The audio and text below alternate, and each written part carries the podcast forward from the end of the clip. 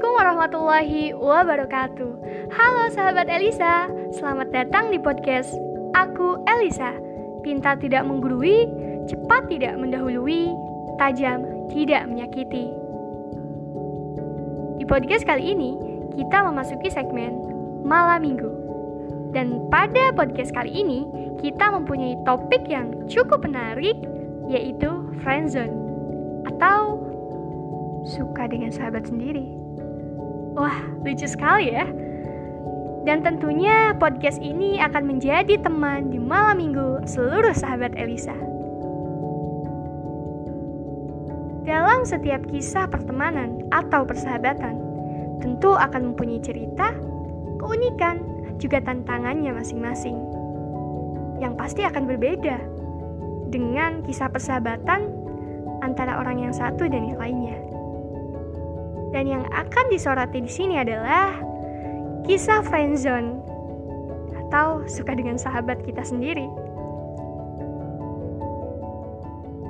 Di sekitar kita banyak sekali opini yang mengatakan, "Ah, laki-laki dan perempuan itu gak akan bisa bersahabat." Wah, ini pasti yang laki-lakinya suka nih. Oh, ini yang perempuannya suka nih Udahlah, mustahil ada kisah persahabatan antara laki-laki dan perempuan. Menurutku, kisah persahabatan antara laki-laki dan perempuan itu ada. Terlepas mereka pernah mempunyai rasa atau tidak. Tapi poinnya adalah bagaimana kita bisa membuktikan substansi dari persahabatan antara laki-laki dan perempuan itu sendiri. Dan menurutku tidak pernah ada rasa yang salah, sekalipun itu hadir di kisah persahabatan siapa pun antara laki-laki dan perempuan. Tidak pernah ada rasa yang salah untuk hati manusia, karena itu adalah anugerah. Namun yang sering salah kaprah atau salah mengartikan adalah bagaimana manusia itu sendiri menghadapi perasaan cinta yang hadir di antara mereka berdua ini. Kadang yang membuat kita miris, mereka lebih memilih untuk saling berjauhan, saling tidak mengabari, atau bahkan saling tidak mengakui. Padahal, tidak ada salahnya kita menyatakan jika kita menyukai sahabat kita sendiri kita mengakui jika kita jatuh hati kepada sahabat kita sendiri. Karena ini bukan satu kesalahan. Yang terpenting adalah bagaimana kita menyikapi ini dengan pemikiran terbuka dan juga dengan dewasa. Cinta yang hadir di antara kisah persahabatan antara laki-laki dan perempuan memang cukup mendebarkan karena ada kata persahabatan yang di dalamnya bisa terancam tapi yakin ikatan persahabatan antara laki-laki dan perempuan ini diuji ketika mereka saling memiliki rasa yang sama. Dan harusnya setiap kali rasa ini hadir dalam kisah persahabatan, ada satu waktu atau satu ruang di mana satu sama lain saling mencari tahu rasa yang ada di dalam hati itu seperti apa, juga saling memberi waktu untuk memilih jawaban terbaiknya itu akan seperti apa.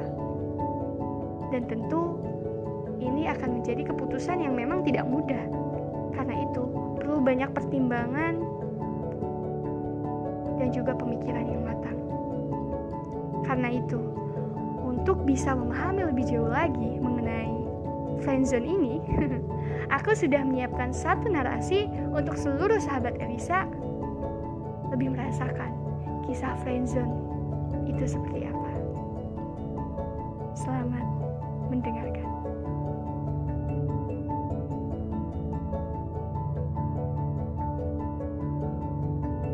Aku akan sebut kamu kawan. Kamu pun menyebutku dengan teman. Hampir dalam 24 jam kita menghabiskan waktu dengan bersamaan. Entah untuk hanya sekedar berbincang atau makan malam. Aku ingat persis bagaimana ritual saling mempercayakan untuk menjalin pertemanan. Seperti menautkan jari kelingking yang begitu mengemaskan. Atau video call hingga larut malam. Dari rentan waktu yang kita telah habiskan, kita semakin merasa kita dekat dan begitu melekat.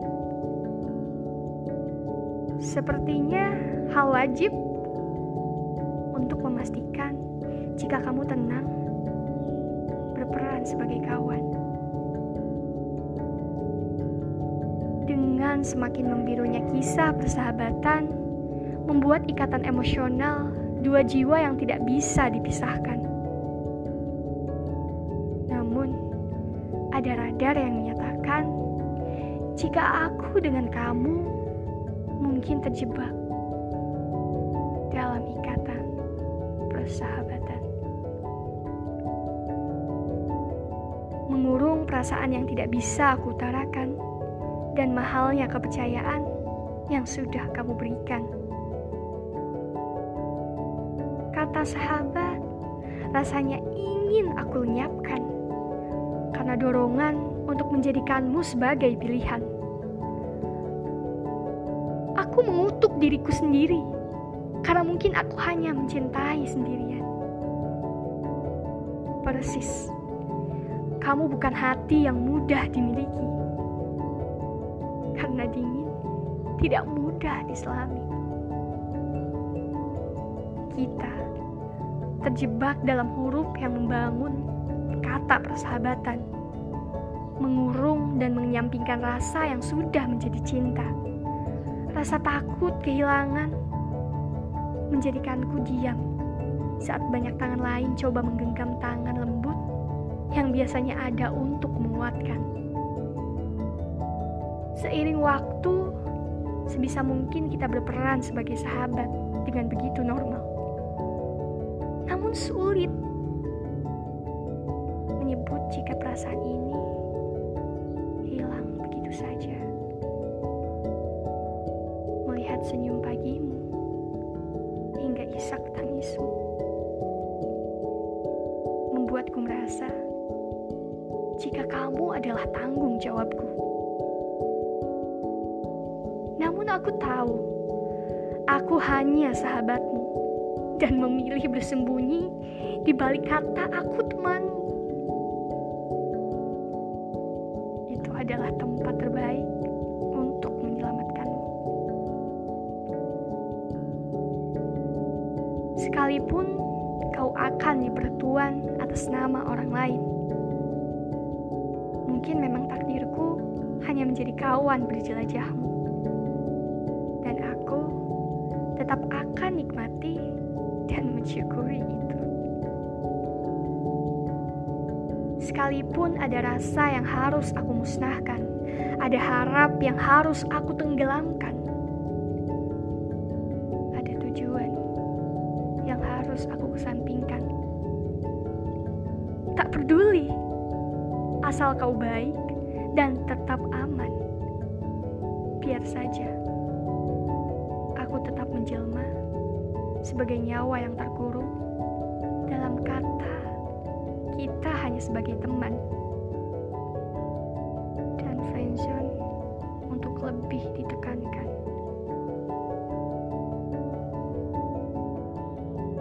Ketika memori ini akan diputar ulang, seharusnya kita sama-sama mendengarkan untuk tahu aku menyukaimu